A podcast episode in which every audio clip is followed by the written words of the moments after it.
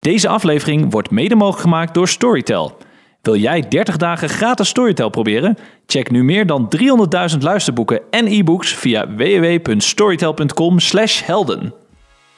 En als ik dan kijk uh, naar die jonge, naar die jonge Boela, zeg maar, uh, vijf jaar, zes jaar op straat dribbelen, nog geen bal. Ja, en je speelt een halve, halve finale WK. Vanuit die gedachte vind ik het, uh, vind ik het helemaal geweldig.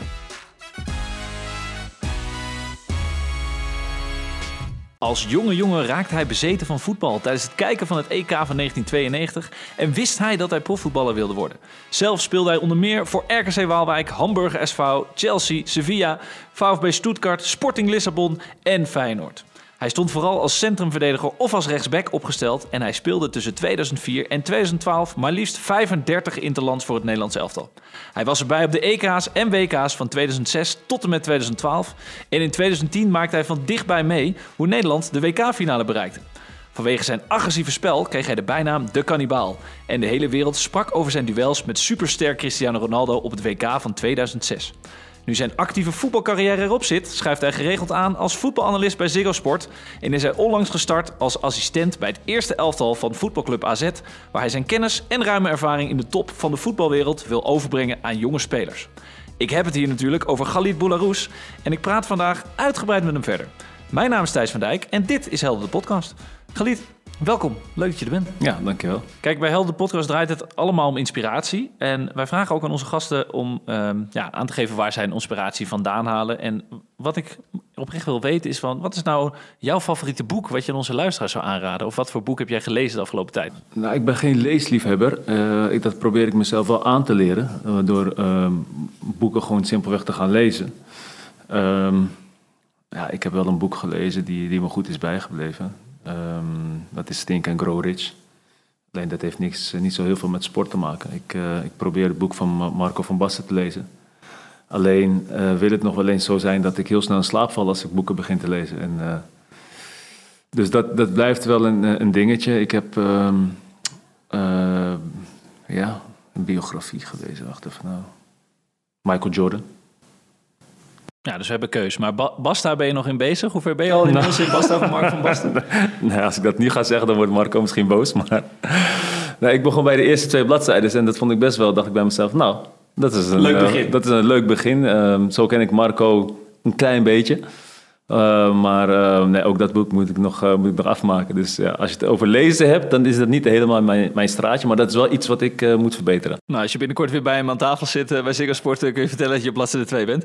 Nou, als jij nu denkt als luisteraar, Think and Grow Rich of Basta van, van Marco van Basten, um, ja, wil ik wel lezen. Een van de favorieten van Galit Boularous. Ja, dan kan dat. via www.storytel.com slash helden kun je nu 30 dagen gratis Storytel proberen. En de link vind je in de show notes van deze aflevering. Um, Margaliet, wij trappen eigenlijk alle afleveringen van onze podcast af met een aantal stellingen. Waar jij dan alleen eens of oneens uh, op mag antwoorden. En ik hoop dat ik je niet met deze stellingen ook te veel ga verrassen. Maar ik hoop het, ik denk het wel. Um, we gaan later in de aflevering hier verder op in. Ben je er klaar voor? Ik ga mijn best doen, want je hebt me best wel verrast. Dus ik ga er even goed voor zitten. Nou, heel goed, heel goed. Nou, dat is mooi. Ik hou je scherp, hè? dat is belangrijk. Zeker. Uh, we beginnen met stelling nummer 1. Uh, door mijn bijnaam de kannibaal merk ik dat mensen nog steeds af en toe wel een beetje bang van. ja, dat is een mooie. Uh, mm, oneens. Stelling nummer 2. Ik zou dolgraag een keer een goed gesprek willen voeren met Geert Wilders. Oneens. En stelling nummer 3. Op een dag ben ik de bondscoach van het Nederlands elftal. Oeh. Ja, ik ben best wel een bescheiden, bescheiden persoon, dus... Zou je het willen? Um, zou ik het willen? Het lijkt me leuk. Ja. Is het, uh, is het een doelstelling? Nou ja, ik denk, uh, ik denk dat het wel een stoute droom is als je, als je het trainingsvak uh, gaat beginnen. Dus laten we doen eens. Nou, mooi. Hier gaan we langer uh, op in straks, uh, verder in de aflevering. Uh, want we gaan nu eerst even luisteren naar jouw inspirerende sportmoment. elke aflevering vragen we namelijk aan onze gasten om een inspirerend sportmoment mee te nemen. Wat hem of haar geïnspireerd heeft in zijn of haar carrière. Laten we even gaan luisteren wat jij hebt meegenomen. Koeman. Kopstoot, Gullit. En een doelpunt. Het is de kopstoot van Rijkaard natuurlijk. Iedereen denkt natuurlijk dat Koeman gaat schieten. Dus gebeurt er iets anders. Witsche. Dat scheelt.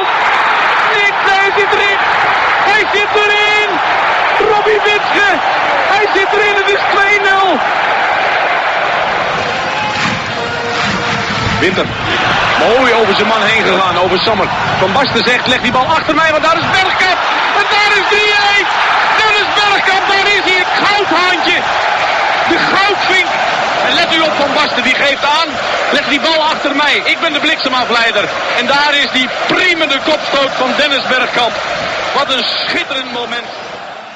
Ja, je vertelde mij dat je in de jaren 90 echt bevlogen raakte van, uh, van sport. En dan vooral ook uh, van voetbal natuurlijk. Nou, dat begon allemaal een beetje op dat EK van 1992 met een aantal legendarische wedstrijden. Waaronder deze tussen uh, West-Duitsland en, en, Nederland. Maar ook natuurlijk de verloren finale tegen de Denen.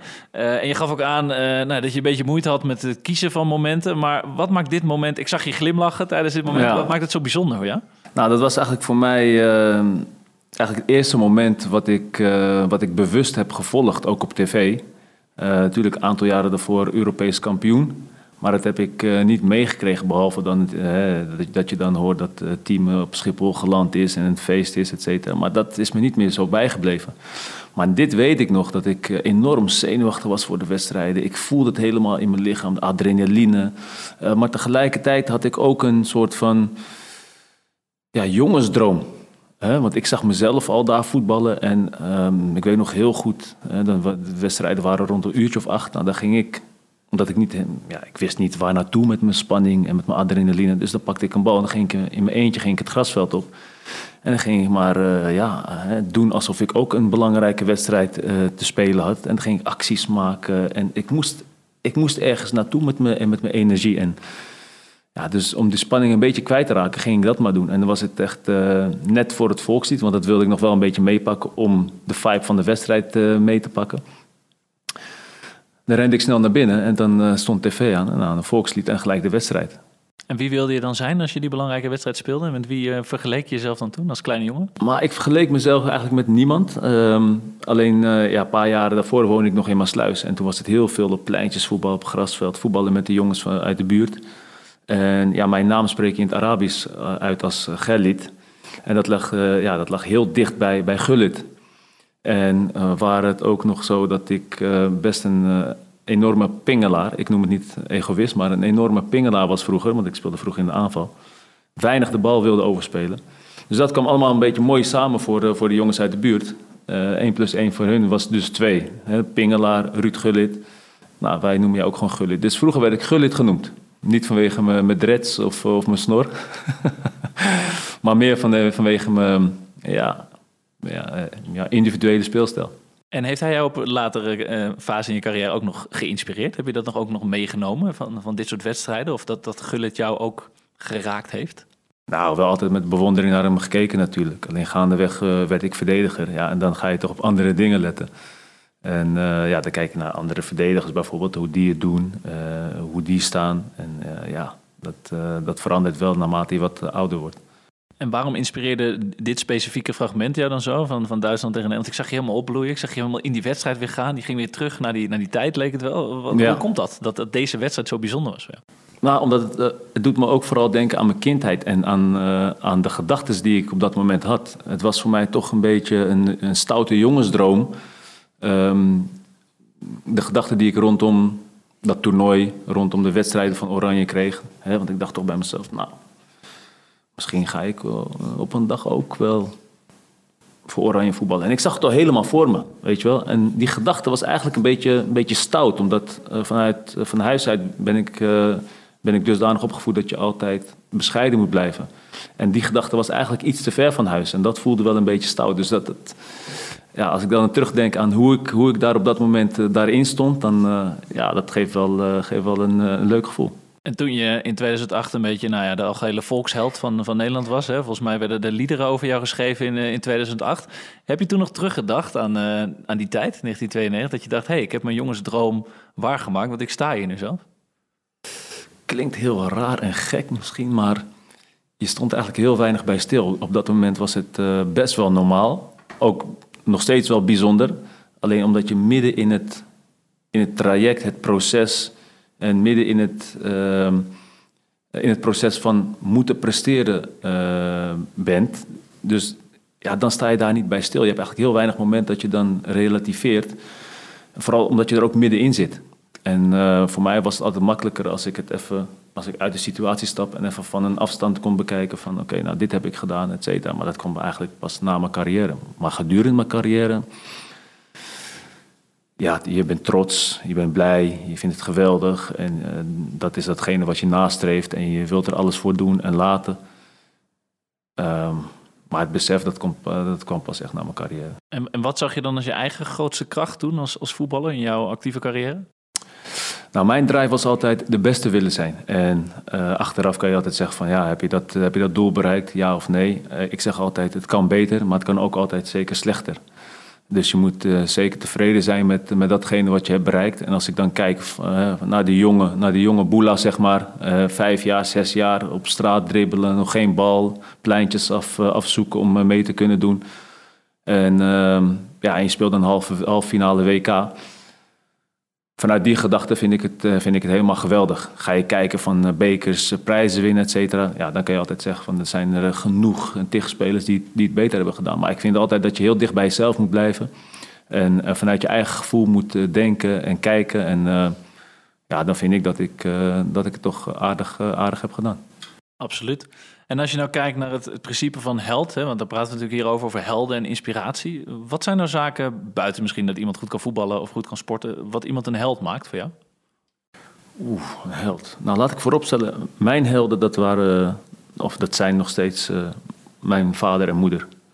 Omdat die mijn uh, ja, direct en indirect uh, hebben beïnvloed. En uh, ja, die hebben een hele grote impact gehad op op, op de persoon die ik, uh, die ik vandaag de dag ben. En natuurlijk heb je wel sporticonen die je ook kunnen inspireren op, eh, op, uh, op sportgebied.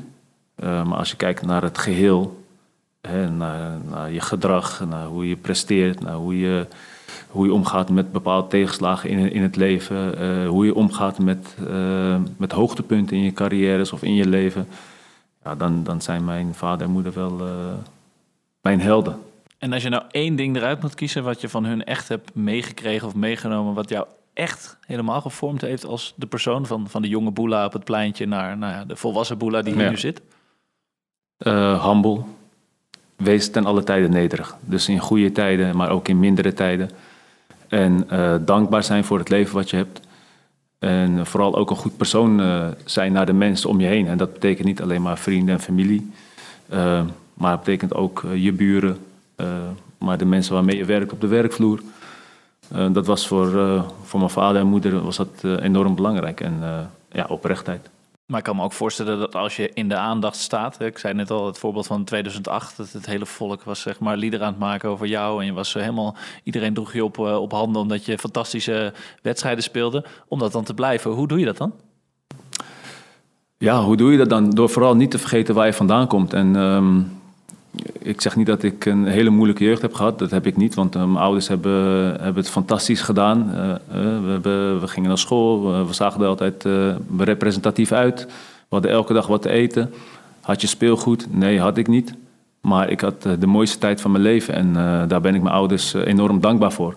Ja, dat staat natuurlijk in schil contrast met de bijnaam de kannibaal. Want dan zouden mensen ook niet denken, eh, nederig. Ik wil even de stap maken met jou naar uh, de stellingen. Um, nou, door je bijnaam de kannibaal merk ik dat mensen nog steeds een beetje bang voor me zijn. Nou, daar moet je wel even over nadenken. Uh, nou, je zei uiteindelijk uh, toch oneens, hè? Maar, dat is wat ik hoop. Dat, dat, is wat je hoopt. Maar je stond natuurlijk in je carrière, stond je natuurlijk bekend om je agressieve manier van verdedigen. Hecht. Ik, ik, nou, ik, ik, moest heel erg lachen op hoe je dat uitlegde in, in de AZ-podcast. Dat je dan in je slechtste Engels in Duitsland kwam en dat dan zei van uh, I eat up my, uh, my opponents. En dat ze daar toen De Cannibal uh, van hadden gemaakt en dat dat je bijnaam was. Maar word je dan nog vaak op aangesproken door mensen? Ja, gewoon op, wel op een leuke manier. dus dan, ja, als, als mensen me tegenkomen, dan roepen ze in plaats van Boela of Galit de Cannibal dat, ja, daar kan ik wel mee omgaan. Dat is prima, weet je. Dat zijn ook gewoon leuke dingen. Het is positief bedoeld, uh, weet je. Dus het is geen narigheid. Dus ja, waarom, waarom zou, je daar, zou je dat vervelend vinden? Dus nee, ja.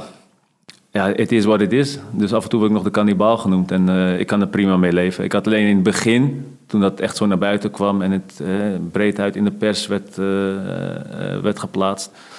toen dacht ik nog wel van... Ja, maar ja, weet je, ik wil graag een inspiratiebron zijn voor, voor jonge kinderen. En ja, de kannibaal, dat is niet echt een bijnaam waarvan iedereen denkt, nou, dat, dat wil ik ook zijn. Dus daar had ik in het begin wel moeite mee, maar uh, ik had toen ook nog eens met, met de journalisten gesproken. En gevraagd of ze mij misschien een andere bijnaam konden geven. Maar uh, ja, daar wilden ze niet vanaf uh, stappen, omdat zij vonden mijn, mijn, mijn speelwijze... Ja, dat was, dat was gewoon zo... dat, deed, dat deed hun denken aan de kannibaal. Ja, later kreeg je natuurlijk Boela de Bulldozer, toch? En heb je nog met je moeder over gepraat? Want ik hoorde toen ook in dat interview dat je zei van... nou, mijn moeder zou het leuk vinden als de naam Boela Roes uh, werd genoemd. Dat nog, uh, heb je dat nog met haar besproken? Nou ja, voor haar ook, weet je. Dat was voor haar natuurlijk een hele eer als, als haar naam... de familie, de naam Boela Roes, als die... want op een gegeven moment las je dan de krant en dan was het de, der kannibalen. Der dacht ik, ja, maar wacht even. Ik wil ook nog eens mijn familie trots maken. En die hebben een andere achternaam dan der kannibalen. En, uh, maar goed, ja, op tv was het dan... Uh, mijn moeder las de kranten sowieso niet. En, uh, maar als zij tv, eh, als we Nederlands elftal keken of de Bundesliga... en ze hoorden, de, ze hoorden Boularoes... Ah, was, haar, was haar dag helemaal gemaakt. En of ik nou goed of slecht speelde, of ik iets goeds deed of iets slechts... dat interesseerde haar niet.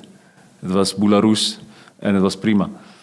En als jij nou als verdediger kijkt, wat is volgens jou nou echt de kunst van het verdedigen?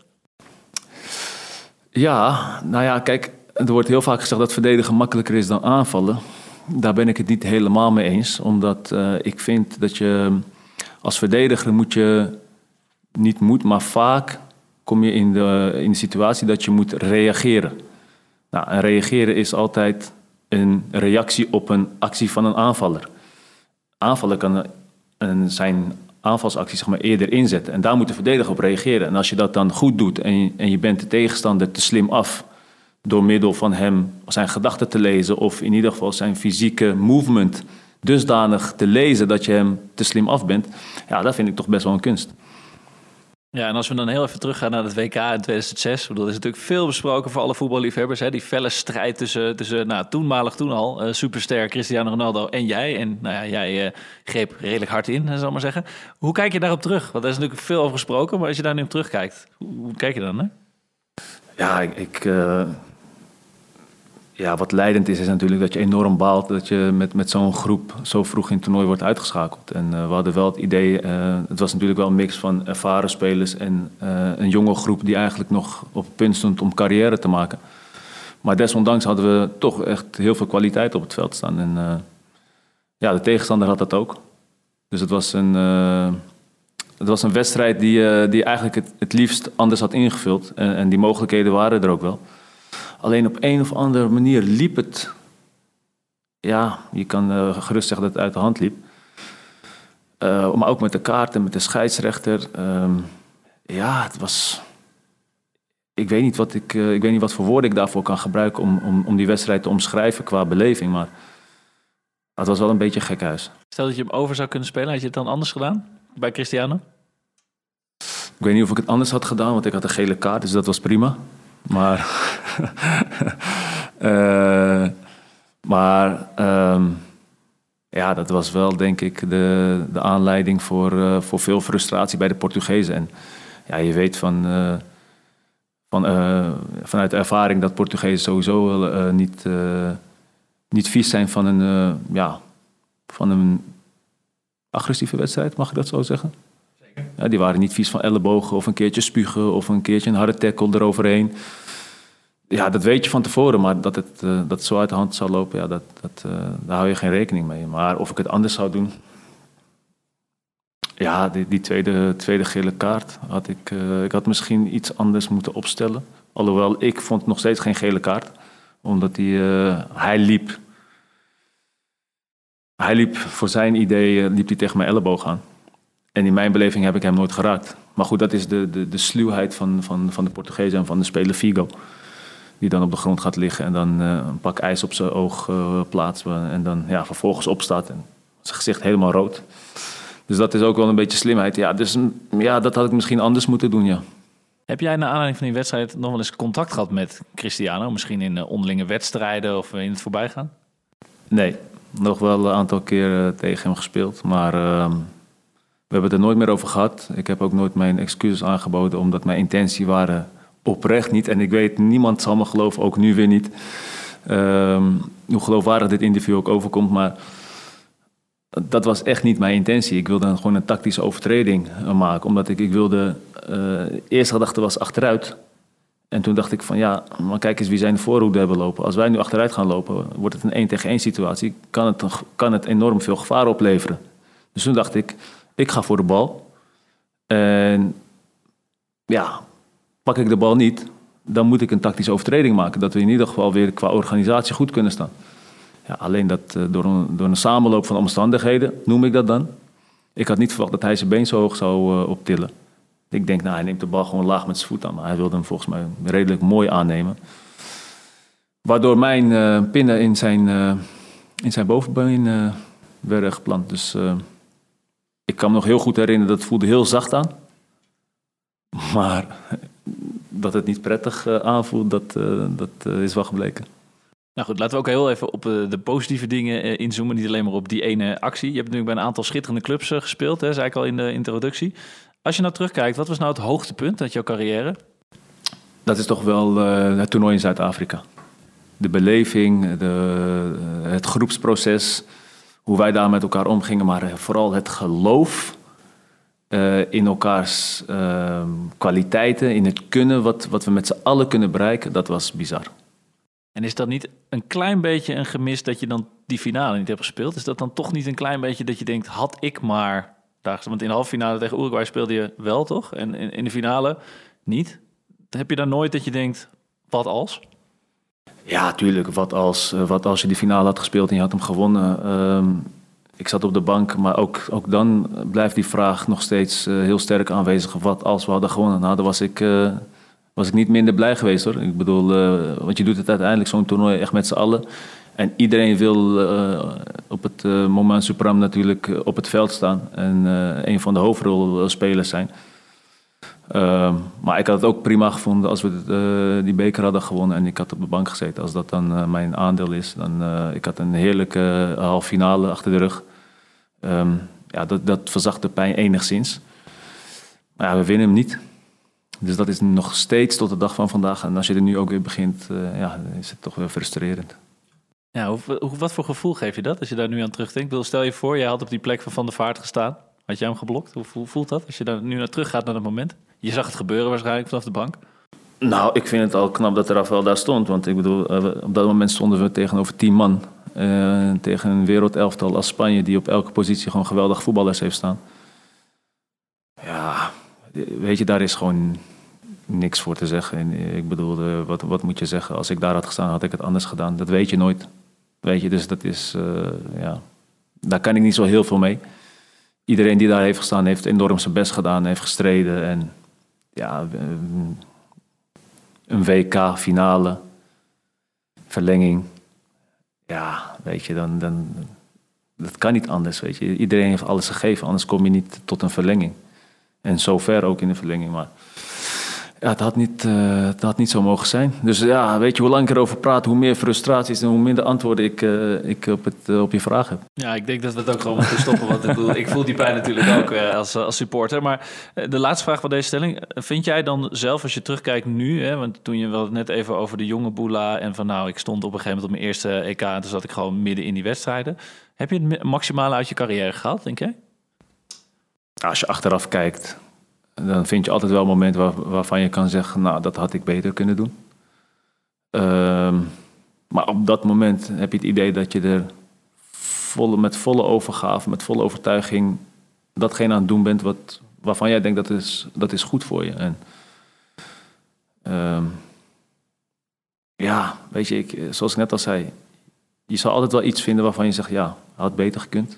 Maar ik heb ook genoeg dingen gezien in de voetballerij, in, in, ja, om me heen gedurende mijn carrière, waarvan ik denk dat ook slechter gekund. En is er nou één moment, wat je zei op een gegeven moment van, nou, ik was op weg naar, ik wilde die beste verdediger van de wereld worden. Is er een moment waarvan je zegt van, oh, als ik toen een andere keuze had gemaakt, dan had ik dat voor mijn gevoel gerealiseerd? Ja, ja zeker. Maar wil je daar iets over vertellen? Nee, wil ik niets over vertellen. Nou, dat, laten, we dat, uh, laten we dat aan de luisteraar over. Laten wij dan doorgaan naar uh, de volgende stelling... waar je vrij snel uh, zei van... nou, laten we dat maar niet doen, oneens. Ik zou graag nog een keer een gesprek willen voeren met Geert Wilders. Nou, dat gaat natuurlijk... Geert Wilders loopt natuurlijk al jarenlang voorop in de Marokkanen-discussie... en Als je hem nou tegen zou komen, of wel die kans hebben, wat, zou je dan iets tegen hem willen zeggen? Wat, wat zou je hem dan vertellen? Um, nou, laat ik vooropstellen, ik heb geen. Ik heb niet, zo, niet zozeer een, een hekel aan die man. Of ik, niet dat ik hem haat of dat, dat soort dingen. Helemaal niet. Ik vind al die dingen die hij roept, vind ik grappig. En ja, ik, dat laat ik lekker langs me heen gaan. Um, maar ik vraag me af of hij in de werkelijkheid, dus hè, als er geen camera's staan en als er even geen politiek gedreven moet, uh, moet worden, uh, ja, vraag ik me af of hij dan ook zo denkt. Of is het puur alleen maar voor de, voor de bühne en dat is misschien een vraag die ik hem zou willen stellen, maar voor de rest. En als je dan inzoekt op jezelf, hè, even naar racisme gericht, wat heb jij zelf meegemaakt op dat gebied in, in de voetballerij? Eh, en hoe, en hoe ging je daar mee om in jouw tijd? Um, ja, weet je, dat is. Ja, ik heb het wel eens meegemaakt, maar ook weer niet zo dat ik denk van, wauw, ik heb daar een trauma van uh, aan overgehouden of iets, weet je. Dus ja, tuurlijk, je komt wel, je komt wel eens jongens tegen die, die je dan uh, uit je spel willen halen en die dan bepaalde dingen gaan zeggen. Op je haarkleur of je afkomst of uh, je moet terug naar je eigen land, weet je wel. Maar ja, daar lag ik niet echt wakker van. Want ergens had ik het gevoel van dat het vanuit een bepaalde zwakte kwam. En als het, vooral als het op het voetbalveld gebeurde, dan dacht ik bij mezelf: oké, ja, je, kan dus niet mee. Je kan dus niet sportief wedijveren met mij, dus ga je het maar op die manier doen. En proberen uh, om mij dan, uh, om mij dan mentaal te knakken. Maar ik was daar niet gevoelig voor. Maar is dat dan ook iets wat je van je ouders hebt meegekregen? Want je vertelde al heel erg van nou, mijn ouders zijn mijn helden. Is dat ook iets wat zij je dan meegaven in je opvoeding? Ja, zeker. Zij gaven me zeker mee dat je vooral, ja, je moet focussen op jezelf. Weet je, zorgen dat je goed bezig bent uh, met, met datgene wat je moet doen. Of dat nou school was, of, je dat nou, of dat nou voetbal was. Maar alles wat je doet, pak het serieus aan. En, en probeer zoveel mogelijk onafhankelijk te zijn. En ik denk als jij vooral gefocust bent op je eigen ontwikkeling, dan heb je minder tijd om, om datgene wat, wat om je heen gebeurt mee te nemen in je beleving. En ja, zo was het vroeger niet anders. En ja, we, werden wel eens, uh, we kregen wel eens te maken met, uh, met discriminatie. Maar wij, uh, wij bleven er gelukkig rustig onder. En dat is ook wat je als kind ziet. Hè. Tuurlijk, je wordt, er, wordt, er wordt, wordt veel gezegd, maar als kind neem je denk ik vooral mee wat, wat je ouders doen. En dat is, dat is het voorbeeld wat je onbewust meeneemt in, in jouw doen, denken en handelen in het dagelijks leven. Nou, volgens mij heb je in een eerder interview een keer verteld van dat je ging verhuizen en dat je toen ergens terecht kwam en mensen toen tegen je zeiden van, oh, maar dat zijn eigenlijk hele goede mensen. Hè? En die, die waren eigenlijk een beetje verrast daarover. Kun je iets vertellen over die, die situatie, hoe dat voor jou was? Ja, we kwamen in het dorp terecht en um, ja, dat was voor de mensen best wel spannend, want nu kwam een Marokkaans gezin uh, daar wonen met best wel veel kinderen en dat was... Uh, ja, de meeste, meeste gezinnen hadden daar uh, één, twee kinderen. En wij kwamen daar uh, uh, bombarderen met, met vijf kinderen en een hoop kabaal. Dus ja, die vonden het wel even spannend. Die dachten van, wat gaat er nu gebeuren in dit dorp? de rust die daar heerste, die, ja, die moesten we natuurlijk wel, die moest natuurlijk wel blijven. En dat, maar hoe zou dat nu gaan? Dus ja, er waren er wel een aantal die, die daar niet blij mee, mee waren. En die lieten dat ook duidelijk merken. Ja, wij, bleven daar heel rustig onder. Af en toe moet je wel even terugblaffen van... joh, weet wel, uh, wij zijn hier gewoon met goede intenties. Probeer ons niet het leven zuur te maken... want wij willen gewoon op goede voet met iedereen hier... Uh, onderdeel zijn van de samenleving. En uh, we zijn gewoon prima mensen. geven de tijd, weet je. De tijd zal, ook, zal het ook leren. En dan zul je ook zien wat voor mensen we zijn. Dus ja, bij, bij, bij, bij sommigen had je wel het idee van, we hebben nog wel wat te bewijzen. En, uh, maar het merendeel ja, werd je heel goed ontvangen. Dus dat, dat moet ook dan ook gezegd worden. Alleen, ja, die ervaring is, is minder leuk. Alleen, uh, ja, je moet ermee omgaan. En ik denk dat je vooral uh, dat soort gebeurtenissen zoveel mogelijk met positiviteit moet beantwoorden. En dat is wat we hebben gedaan. En dan krijg je uiteindelijk groeien samen met de mensen om je heen. Onze buren, ja, hebben we nu een geweldige relatie, een goede band en uh, zijn we super blij met elkaar. En wat van deze ervaringen geef je dan nu in jouw werk, ook als jeugdtrainer bij AZ, aan de jonge spelers mee? Want ik bedoel, de samenleving is natuurlijk veranderd. Hè? Het, het wordt steeds harder in de samenleving. Nou, ik neem aan dat je dat ook ervaart om je heen. Wat geef je dan mee aan die, die jonge spelers die je nu traint? Nou, dat is nog best wel een uitdaging. Want ehm, ja, je probeert zoveel mogelijk uit, uit jouw tijd probeer, je mee te geven. Maar dat moet je natuurlijk wel heel goed integreren in de tijd van nu. De jongens denken anders dan, dan, dan vroeger. Vroeger was het meer van eh, hard werken en eh, je moet er veel voor doen. Het komt niet aanwaaien. En, en dat proberen de jongens nu ook mee te geven. Alleen de situatie is nu anders. Het is een andere generatie. Die hebben misschien wat beter voor elkaar. Dus deze jongens hebben minder, uh, minder de noodzaak van het overleven. Dat, dat, speelt allemaal een rol in, in de gedachten van zo'n jongen en het handelen en gedragingen. Ja, daar moet je als, uh, in mijn persoon dan, uh, moet je een goede balans zien te vinden van oké, um, hoe is de cultuur nu, nu? Hoe denken die jongens? En hoe heb ik het gedaan vroeger? Wat, wat vond ik goed? Wat heeft voor mij gewerkt? En uh, wat kan ik daaruit meenemen en meegeven aan de jongens van nu? Want wat voor mij vroeger heeft gewerkt, betekent niet dat het voor de jongens van nu ook precies op die manier zal werken. Dus ja, dat is voor mij nu wel een uitdaging. En ik ben continu op zoek van, oké, welke benadering moet ik, moet ik nu hanteren? Uh, hoe moet ik, uh, hoe moet ik dit zien? Hoe moet ik dat overbrengen? Dus dat zijn, wel, dat zijn wel leuke dingen van het proces waarin ik momenteel zit. En als we nog heel even bij deze generatie blijven, snap jij dat bijvoorbeeld jongens als een Hakim Ziyech ook in dit, ja, in dit geval nu kiezen voor het Marokkaanse elftal in plaats van voor het Nederlandse elftal? Terwijl jij in jouw tijd, ja, koos jij vrij duidelijk voor het, voor het Nederlandse elftal. Begrijp je dat? Of waar komt dat door volgens jou? Ja, ergens begrijp ik het wel. Ik denk dat Hakim uh, uh, ja, een, een, optie was voor, voor, beide, voor beide landen. Ik denk het Nederlands elftal wilde hem uh, heel graag. het Marokkaanse elftal wilde hem heel graag. Um, ja, misschien is er ergens onderweg iets misgegaan in de communicatie uh, met Ziyech, weet ik niet. Uh, dat, daar kan ik ook niet over oordelen. Uh, maar wat wel duidelijk was, is dat de teams op dat moment redelijk in, redelijk in balans waren. Ze hebben toen ook nog eens onderling geoefend. Dan was de uitslag ook redelijk in balans. Ehm, dus dan is de keuze misschien wat makkelijker ook om, om voor Marokko te kiezen. Omdat ja,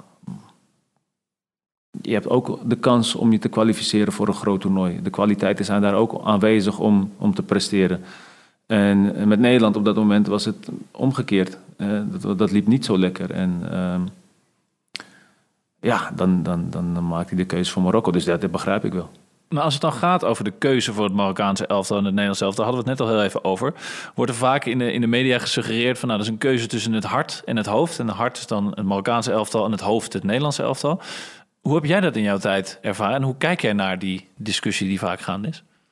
Ja, gelukkig heb ik nooit uh, voor die keuze moeten staan. En uh, het lijkt me enorm moeilijk als beide landen aan je trekken en die zeggen van we willen heel graag uh, dat je voor ons land uitkomt. Dus dat lijkt me, ja, lijkt me bijzonder moeilijk. Ik, ik zou ook niet in de schoenen willen staan van een Mazraoui of, of een, of een Ziyech in het verleden die die keuze hebben moeten maken. Um, in mijn geval was het compleet anders. Ik was speler van RKC. En ik werd daar geselecteerd als, uh, als uh, speler voor het Nederlands elftal. Ik heb de wedstrijd, mijn debuut voor het Nederlands elftal, heb ik uiteindelijk gemaakt als speler van HSV. Dus uh, zo snel ging het bij mij. Alleen die periode was het, ja, moest je op een hoger niveau spelen om in beeld te komen bij, bij het Marokkaanse elftal. En dat, ja, RKC was nog niet het niveau om, daarin, om daarvoor in aanmerking te komen. Maar van het schip eh, die, en Marco Verbassen, die zagen het prima in mij zitten. En die dachten wel van, hey, die, die kunnen we gebruiken bij het Nederlands elftal. Ja, als je kijkt naar, dat, naar, het elftal op dat moment, de kwaliteiten die, die, die je voorhanden hebt en de spelers waarmee je gaat samenspelen, dat is wereldtop. En dus ik hoef daar, daar niet, niet over na te denken. Dus met het hart en, en het hoofd heb ik gewoon de keuze gemaakt voor, voor het Nederlands elftal. Nou, we maken even een sprong in de tijd naar de derde stelling. Hè. Op een dag eh, ben ik bondscoach eh, van het Nederlands elftal. Nou, daar hadden we al een discussie over eigenlijk voordat de stelling begon. Nou, je kwam hier binnenlopen met je aktentas en je vertelde van... nou, dat is heel bijzonder voor mij, want ik ben eh, hard aan het studeren... Ja, voor, om mijn opleiding te voltooien bij de, bij de KNVB. Maar nou, stel je voor, we zijn een tijdje verder. Nou, je wilt dus wel graag bondscoach van het Nederlands elftal worden. Um, vertel daar eens wat over. Nou, laat ik, voorop, laat ik voorop stellen en even een aantal dingen zijn droom, hè? Veilig stellen ja. voordat we allemaal quotes voorbij zien komen en mensen denken van wat lult hij allemaal. Uh, laat ik het zo zeggen, ik, ik ben nog echt in het proces hè, van het ontdekken van uh, how to be a coach. Uh, dus ik vind het leuk, ja, dat, die ontdekking heb ik gedaan. En nu ga, ben ik aan het kijken, ga ik kijken van, ja, zie je het spelletje, begrijp je, begrijp je het goed? Uh, voel je aan dat je een, een redelijk goede veldtrainer kan zijn? Ja, al die factoren samen, dat, die zullen mij motiveren om nog verder, gaan, om verder te gaan in het vak. En vanaf daaruit moet je gaan kijken, oké, kan je ook leveren? Kan je ook prestaties leveren? Kan je ook uh, datgene, jouw visie, kan dat omzetten? En um, ja, kan je een team dusdanig laten voetballen dat mensen denken van... hé, hey, dat is het team van Boularus. Ja, dat is uiteindelijk uh, het ultieme doel. En dat is, klinkt heel idealistisch natuurlijk. Um, maar ik vind net zoals die kleine Boela die, die destijds uh, met een bal het grasveldje opging... om uh, in ieder geval zijn spanning te laten gaan. die, die droomde van het spelen in het Nederlands elftal. Die heeft dat ook waargemaakt. Dus nu verplaats ik mezelf even in die jonge Boela, die dan misschien over een paar jaar of een aantal jaar uh, zichzelf langs, langs de zijlijn ziet staan. En destijds was het een stoute jongensdroom. Ik wist dat ik heel ver van huis was. En die gedachte heb ik nu wederom weer. Dus de gedachte heb ik weer. Alleen nu ben ik wel iets voorzichtiger. Nou, na jouw actieve voetbalcarrière ben jij een van de weinigen geweest die echt even afstand heeft genomen van de voetballerij. Hè? In tegenstelling tot bijvoorbeeld misschien eh, Van Bommel, die direct het uh, trainersvak in is gegaan. Hoe goed is dat voor jou geweest eigenlijk, als je daar naar kijkt, voor jezelf? Voor mij persoonlijk was dat heerlijk. Ik weet nog heel goed, uh, toen ik stopte bij Feyenoord, toen, toen dacht ik, nou, ik heb best wel trek nog in een avontuur.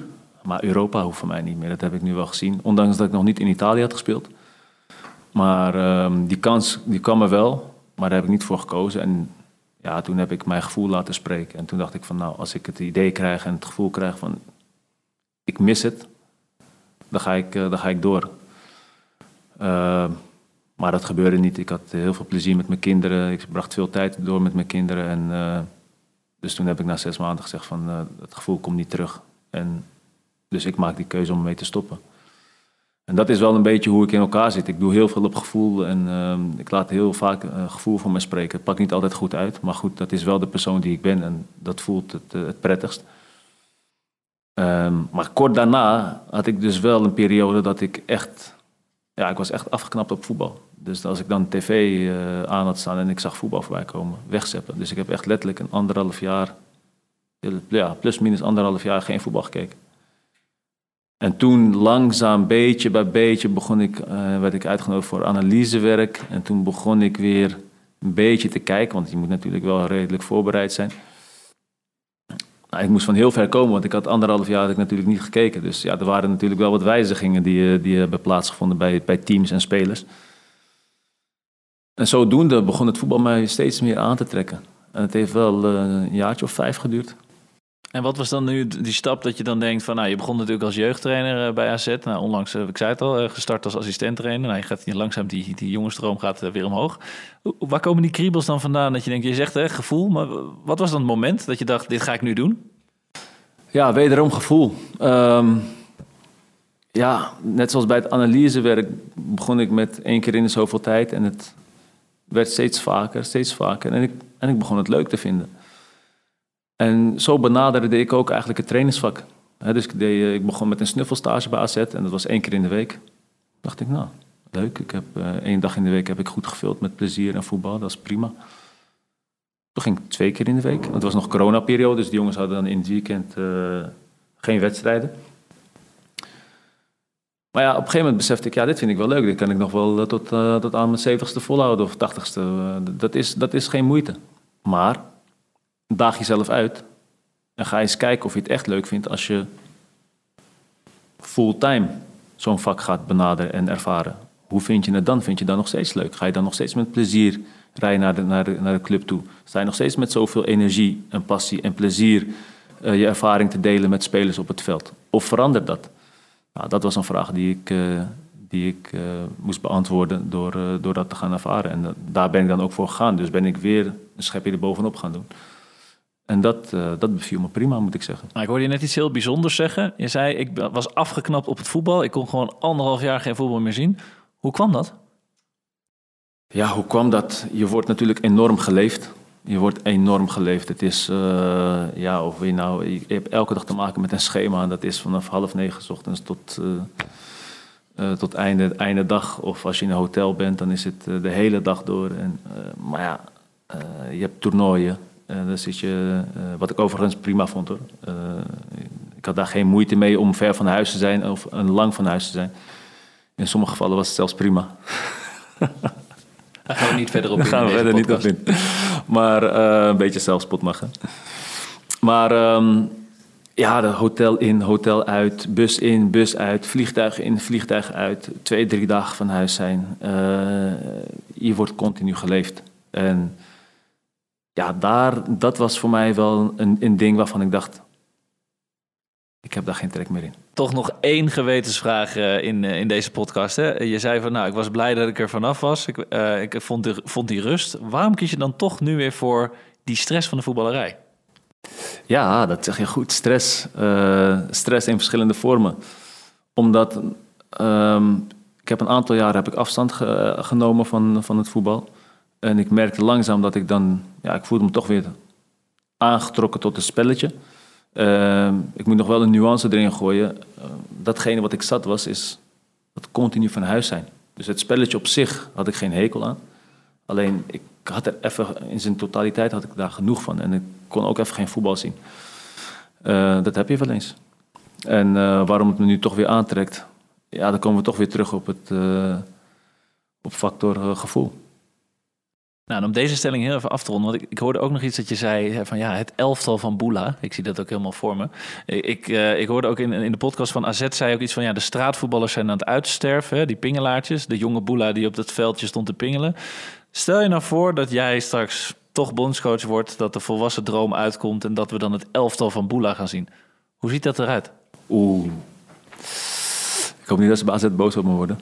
Maar eh, hoe ziet het eruit? Ja, ik, ik ben, ondanks dat ik verdediger ben geweest, ehm, hou ik van ja, mooi voetbal. Mooie dingen laten zien in het voetbal. En of dat nou door combinatiespel is of door een individuele actie, daar ben ik echt groot voorstander van. En ehm, ja, ik, ben, ik kan heel erg, eh, ik kan graag kijken naar, eh, naar het spel van Guardiola. Ehm, ja, trainers met een visie waarvan je echt ziet van... oké, dit is duidelijk de hand van de trainer. En het liefst zo eh, aanvallend mogelijk. Schappig hè, voor een verdediger die er zo aanvallend mogelijk eh, wil spelen. En als je dan naar het Nederlands elftal van nu nog even kijkt, ik wil er toch nog even op doorgaan. Eh, hoe kijk je dan vanuit jouw huidige rol bij AZ nu naar dat huidige Nederlands elftal, het, het spel daarvan? Eh, je, kijkt wel, je kijkt wel anders naar voetbal. Je kijkt wat meer gedetailleerd. Weet je, nou, normaal gesproken kijk je, volg je alleen de bal. En eh, nu als trainer probeer je ook een beetje buiten, buiten de bal om te kijken. Dus eh, wat, eh, wat doet, ik zeg maar wat, als de bal aan de rechterkant is, wat doet dan die linksback? Of wat doet dan de linksbuiten? Ehm, eh, wat doen de backs? Geven die elkaar rugdekking, ja of nee? Met hoeveel vallen ze aan? Gaan beide backs naar voren? Hoe ziet de, hoe ziet de restverdediging eruit? Dat zijn wel dingen die, eh, die, eh, waar, je, ja, waar je naar kijkt. Of in ieder geval probeert naar te kijken. Want ik zit natuurlijk helemaal aan het begin en eh, ik zie natuurlijk ook niet alles. Maar ik merk wel dat ik eh, anders naar voetbal kijk. En het laatste over het Nederlands elftal. Is er iemand in het huidige Nederlands elftal die op jou lijkt qua spel? Of die jou zou kunnen opvolgen als Dirk Cannibal? Nee, ja, als ik nou, dan kijk naar de verdedigers en die doen het eh, geweldig. Virgil, ja, daar kom je eigenlijk superlatieven voor tekort als je ziet hoe zijn carrière is opgebouwd. Geweldig. En als je kijkt op wat voor niveau hij acteert, vooral ook na zijn blessure. Ehm, Zo'n zware blessure en je staat er ook gelijk weer en je neemt het team bij de hand en het team, teamresultaten die, ja, die spreken voor zich. Ja, vind ik gewoon geweldig. Eh, Matthijs op zo'n jonge leeftijd eh, dat soort dingen laten zien. Ehm, Stefan de Vrij vind ik eh, toch wel een on- onderschatte verdediger in Nederland. eh, Die in het buitenland veel meer wordt gewaardeerd. Ook een geweldig verdediger. Doet geen gekke dingen, heel stabiel. Maar als je qua speelstijl kijkt, dan, eh, dan denk ik dat Matthijs toch dat, dat, ja, dat dat een beetje overeenkomt met hoe ik. die schuwt de duels niet, die kleunt erin. Sliding tackles, ja, kan ik, kan ik heel erg van genieten. Mooie vergelijking. Matthijs de Ligt, Virgil van Dijk. Voor de luisteraars die niet weten dat het Virgil en Matthijs zijn. Nog even een korte, korte context. Stel dat wij hier nou over twintig jaar weer zitten, eh, Galit. En wij praten dan weer eh, met elkaar. Hoe hoop jij dan dat jij herinnerd wordt door mensen? Dus, dus de afgelopen twintig jaar. Hoe hoop je dat, wat hoop je dat mensen over jou zeggen? Ik hoop dat, het, eh, dat het eh, voornamelijk positief is. En eh, nee, wat ik al zei, weet je, mijn normen en waarden zal ik altijd met me, mee, met me meedragen. En dat betekent dat, ik, dat je altijd goed met de mensen om je heen moet zijn. Ehm, of, dat nou, of je dan nou plezier hebt met de mensen om je heen, of dat je ze ergens kan helpen, of goed advies kan geven, of je ervaring kan delen. Weet je, dus het gaat er altijd om dat de intentie positief moet zijn, vanuit een goede gedachte. En dat probeer ik ook aan mijn spelers mee te geven. Ik ben daar en ik gun het ze van harte en ik probeer hun daarbij te helpen voor, eh, voor zover dat toelaat en voor zover zij eh, dat accepteren. En, eh, ja, dus je hoopt dat, dat mensen altijd eh, op een goede manier aan je terugdenken. Volgens mij kunnen we dagen met elkaar doorpraten, eh, Galit. Eh, maar ik heb nog één verzoekje voor je. Want ik heb hier een, een tegeltje voor je liggen. En ehm, ja, dan mag je eigenlijk jouw lijfspreuk, jouw boodschap voor de volgende generatie eh, opschrijven. Moet wel op het tegeltje passen. Dat is zo wel de uitdaging. Maar, Ja. Want die gaan we namelijk vereeuwigen aan de muur hier bij Helden. Ehm, welke boodschap zou je aan de luisteraars mee willen geven? Aan de luisteraars. Oh jeetje. Moet het mijn advies zijn naar de luisteraars? Of Jouw lijfspreuk, jouw levensmotto. of wijsheid, Jouw waarvan- wijsheid, jouw waarvan- tegelwijsheid misschien van, eh, van je vader of moeder die je hebt meegekregen. Of van iemand anders. mijn moeder zei altijd geduld. Dat zal het licht in je leven zijn. Geduld, dat zal het licht in je leven zijn. Vind ik een hele mooie. Nou, schrijf hem hierop. Eh, zet hem ook in je eigen handschrift met je naam eronder eh, op dit tegeltje. Want dan eh, kunnen wij deze gaan, eh, gaan ophangen. Galit Bouleroes, heel erg bedankt voor je komst naar de studio. Leuk dat je er was. Dankjewel. Dit was Helden de Podcast. Volg deze podcast op Spotify of Apple Podcast voor nog meer inspirerende sportverhalen. Laat ook eens een review achter en laat ons weten wat je van deze aflevering vond. Mijn naam is Thijs van Dijk en tot de volgende keer.